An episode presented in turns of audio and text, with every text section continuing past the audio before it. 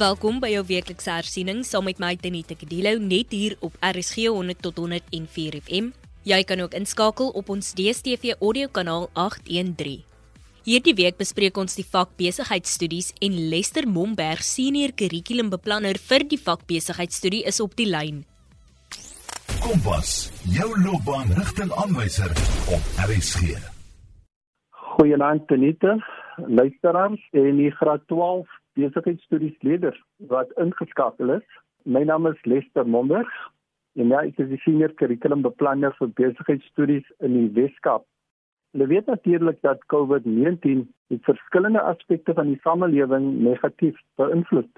Die impak van COVID-19 op die ekonomie, gesondheid en onderwys in ons land om die minste te sê was vernietigend. Die COVID-19 pandemie het baie uitdagings meegebring maar dit het ook baie geleenthede geskep om innoverende maniere te vind om voort te gaan met die kurrikulumdekking en eksamenvoorbereiding. Verskeie platforms word tans gebruik om ons leerders te bereik, maar dit is veral radio wat 'n uitstekende geleentheid bied om al ons leerders te bereik. Ons innige dank aan RSG wat hierdie uitsending moontlik maak. Graad 12 leerders, julle weet dat julle 3 weke het voordat julle vraagstel 1 skryf en een week daarna voordat jy hulle vraestel 2 skryf. Jy het dus voldoende tyd om julle goed voor te berei vir die eksamen. Belangrik dat jy enige struikelblokke wat jy gedurende hierdie jaar teëgekom het, voorkom en dat jy op jou gemak is wanneer jy begin te studeer en die eindeksamen skryf. Ek wil net beklemtoon dat jy moet seker maak dat jy 'n elektroniese of 'n harde kopie het van alle bronne wat die WKOD beskikbaar gestel het aan graad 12 leerders om hulle te help met hulle voorbereiding. Hierdie bronne kan afgelaai word van die WKOD e-portaal Bitberg. Ek wil veral beklemtoon dat jy moet die 2020 graad 12 kernnotas aflaai van die e-portaal, want ek gaan baie daarna verwys gedurende hierdie uitsending. En dan Lester, kan jy vir ons 'n kort uiteensetting gee van wat jy tydens hierdie twee sessies gaan behandel? Want hierdie program gaan ons nou vanaand en dan nou môre aand, die Woensdag aand gaan ons dan nou aan met die tweede sessie. So kan jy net vir ons 'n kort uiteensetting gee van wat jy tydens hierdie twee sessies gaan behandel? Seker nog geniete. Tydens hierdie twee sessies sal ek die volgende aspekte behandel. Eerstens ons gaan kyk na die formaat van die besigheidstudies vraestel Tweedens van ons kyk na die struktuur van die vraestelle. Derdens van ons 'n bietjie eksamenwenke gee. Vierdens ons gaan kyk na algemene uitdagings wat leerders ondervind in die beantwoording van vrae. Ons kyk na uitdagings wat kandidaate ondervind in terme van spesifieke hoofonderwerpe. En dan gaan ons bietjie kyk na wanopvattinge en algemene foute wat kandidaate in die nasionale senior sertifikaat eksamen maak. En dan laastens gaan ons 'n bietjie slot opmerkings maak. Julle sal agterkom dat daar geen verwysing is na inhoud nie, maar dis omdat ons 'n beperkte hoeveelheid tyd tot ons beskikking het. En jy het voorheen genoem dat daar twee vraestelle is vir besigheidstudie. En dan Lester, kan jy ook vir ons algemene wenke gee vir die leerders van hoe om voor te berei vir hierdie eksamen? Geniet ja, die 2020 besigheidstudies eksamen bestaan uit twee vraestelle. Nou dit verskil van vorige jare se vraestelle in die opsig dat tot verlede jaar 2019 het die besigheidsstudies eksamen vir voltydse kandidaate bestaan uit een vraestel van 300 punte. Hierdie jaar het ons twee vraestelle. Vraestel 1 inhoud oor twee hoofonderwerpe word in hierdie vraestel geassesseer. Daardie twee hoofonderwerpe is besigheidsomgewings en besigheidsbedrywighede. En dan vraestel 2 inhoud oor besigheidsgeleenthede en besigheidsrolle word in vraestel 2 geassesseer. Leerders, julle sal dus agterkom dat julle sal oor vier hoofonderwerpe geassesseer word, maar in vraestel 1 is daar 2 besigheidsomgewings en besigheidsbedrywighede en dan in vraestel 2 is daar besigheidsgeleenthede en besigheidsrolle. Die puntetoekenning vir elke vraestel is 150 punte. Tydtoekenning is 2 uur en dan beide vraestelle word opverdeel in 3 afdelings.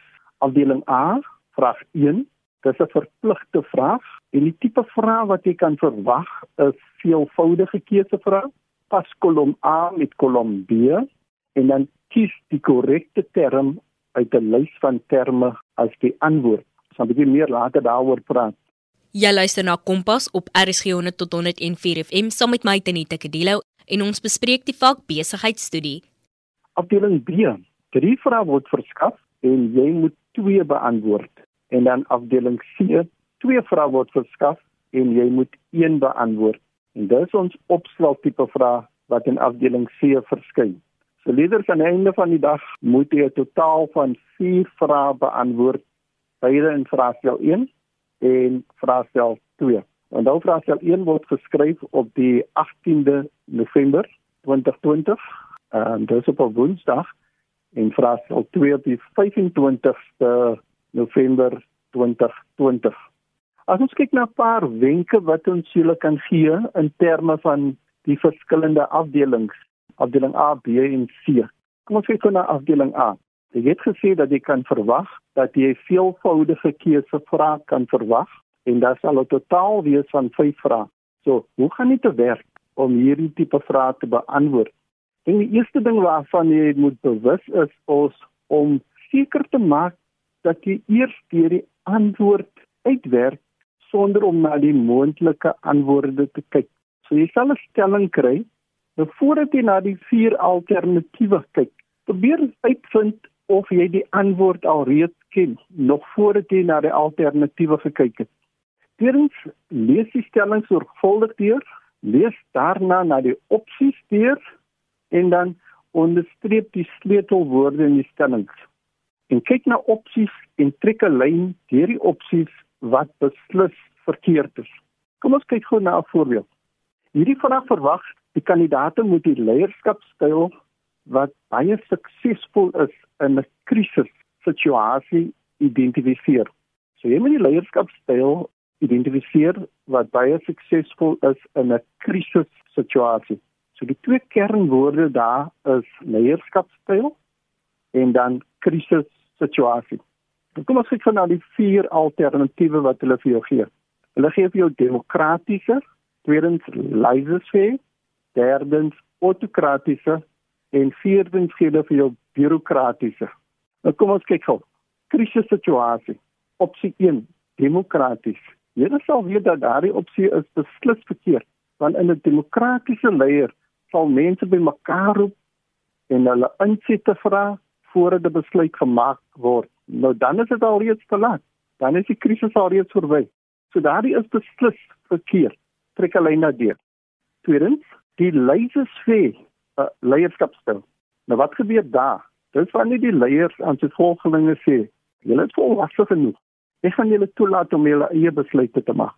Nou in 'n krisistyd kan 'n leier dit nie doen nie. So dit is ook verkeerd. So nou was daar twee opsies wat oor is. Dit is die autokratiese en die bureaukratiese.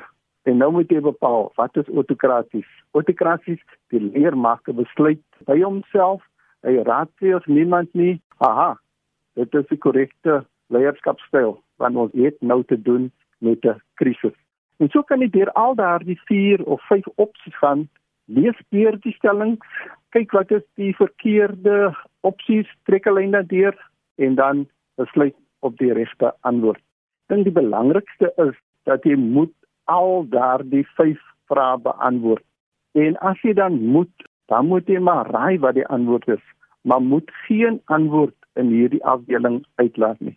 Maak seker dat jy al 5 vrae beantwoord het en die antwoorde is vir al 5 vrae in hierdie afdeling. Jy kyk na die paskolomme vraag, paskolom A met kolom B. Hierheen, dieselfde beginsel van die gebruik. Lees die volledige lys van stellings in kolom A en al die beskrywings in kolom B. Lees weer eens elke stelling in kolom A, vind uit wat die beste antwoord wat ooreenstem met wat in kolom B is trek 'n lyn deur opsies wat verkeerd is en dan sodoende kan jy bepaal wat is die regte opsies. Die derde tipe vraag wat hulle kan vra is kies die term uit 'n lys van 10 terme. So wat hier gebeur is, jy word 10 terme voorsien en onder daardie 10 terme is daar vyf stellings wat gemaak word. En nou moet jy uit daardie lys kies vyf van daardie terme wat pas by daardie vyf stellings onder die terme. Nou gewoonlik as hulle vir jou die terme gee, dan skryf hulle dit uh net so bo daardie stellings en as jy deur daardie 10 lees, dan sal jy sien dat twee van hulle kom uit dieselfde gedeelte of subonderwerp of het te doen met dieselfde inhoud. En dit is 'n goeie idee om seker te maak dat jy eers daardie twee kan bepaal wat pas. Met die voorbeelde wat ek hier het, kom ek van gou deur daardie 10 terme wat gegee word. Eerstens is ek wonder of julle dalk kan bepaal watter twee pas by mekaar, want dit kan een van daardie twee wees wat die korrekte antwoord sal wees. Die eerste is die leier, tweedens etiese, derdens dinkskrim, vierdens beloftes, vyfdens volgelinge, sesdens beperkte aanspreeklikheid, sewende professionele, nommer 8 besluitlose, nommer 9 onbeperkte aanspreeklikheid en dan nommer 10 Delphi. So nou moet jy nou twee van daardie terme met mekaar pas. So die eerste een, kom ons kyk na leiers.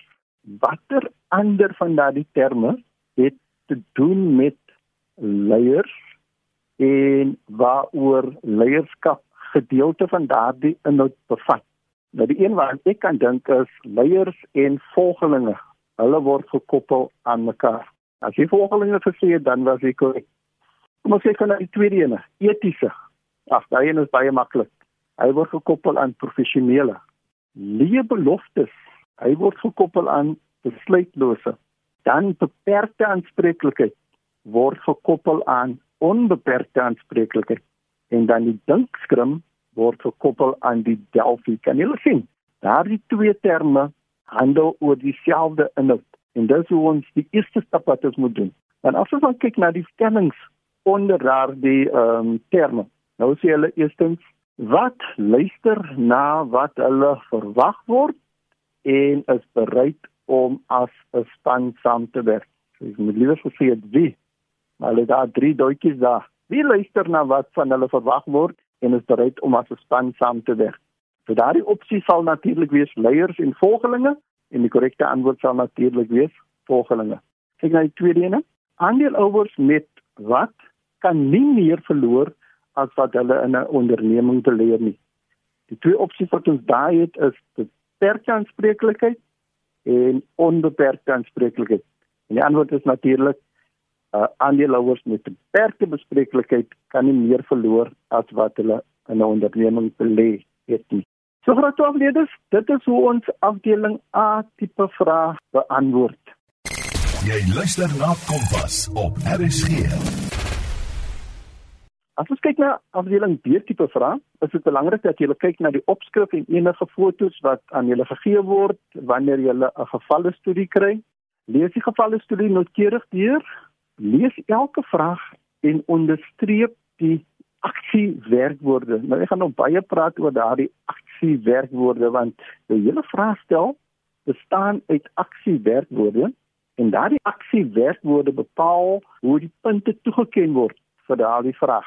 So as ons nou kyk na die aksie werkwoorde, 'n vraag soos onderskei tussen leierskap en bestuur.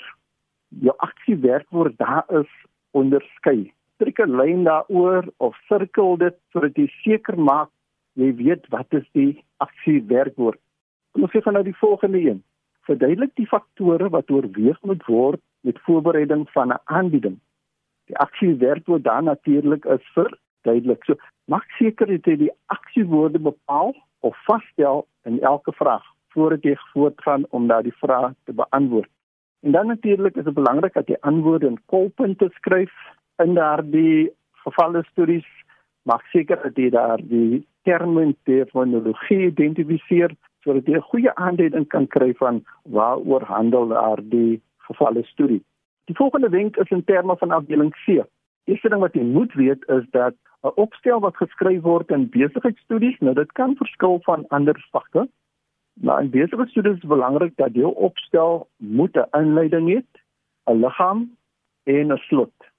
Nou daardie is spesifiek vir besigheidstudies want afhangend van hoe jou opstel gestruktureer word, kan jy goeie punte behaal deur net sekere beginsels te volg.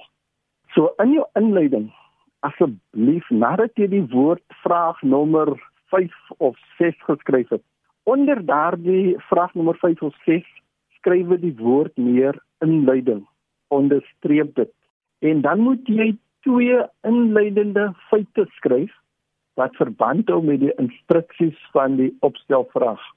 Vir elk van daardie inleidende feite kry jy 1.11, so jy sal 2 punte daarvoor kry. Maar kan ek ook sê dat as jy die woord inleiding skryf en jy skryf twee feite onder daardie inleiding sonder dat die eksaminator jou feite lees, kry jy al reeds 1 punt vir uitleg. So, dit is onmoontlik om 0 te kry vir 'n opstel in besigheidstudies. Want enige iemand kan die woord inleiding skryf en dan twee sinne neerskryf wat hulle dalk onthou van daardie onderwerp en dan kry jy jou 1 punt. En so gaan ek jou wys hoe dit moontlik is om dalk 7 punte te kry uit 40 sonder dat jy enige iets geskryf het oor die inhoud van daardie opstel. So leerders is 'n kardinale sonde as jy 'n nul kry vir 'n opstel of dit glad nie beantwoord nie, dan hier word dan nou punte feitelik verniet weggegee wat jy net hou by sekere beginsels. So, jy kan eintlik in die eksamen lokaal ingaan met 'n inleiding alreeds in jou kop. Want nou besigheidstudies het 15 onderwerpe. Vir elk van daardie onderwerpe kan jy met twee inleidende feite in die eksamen lokaal gaan. So ongeag wat die opstel is oor daardie betrokke onderwerp, kan jy al reeds jou inleiding vasstel en dan sommer begin daarmee wanneer jy daardie onderwerp beantwoord.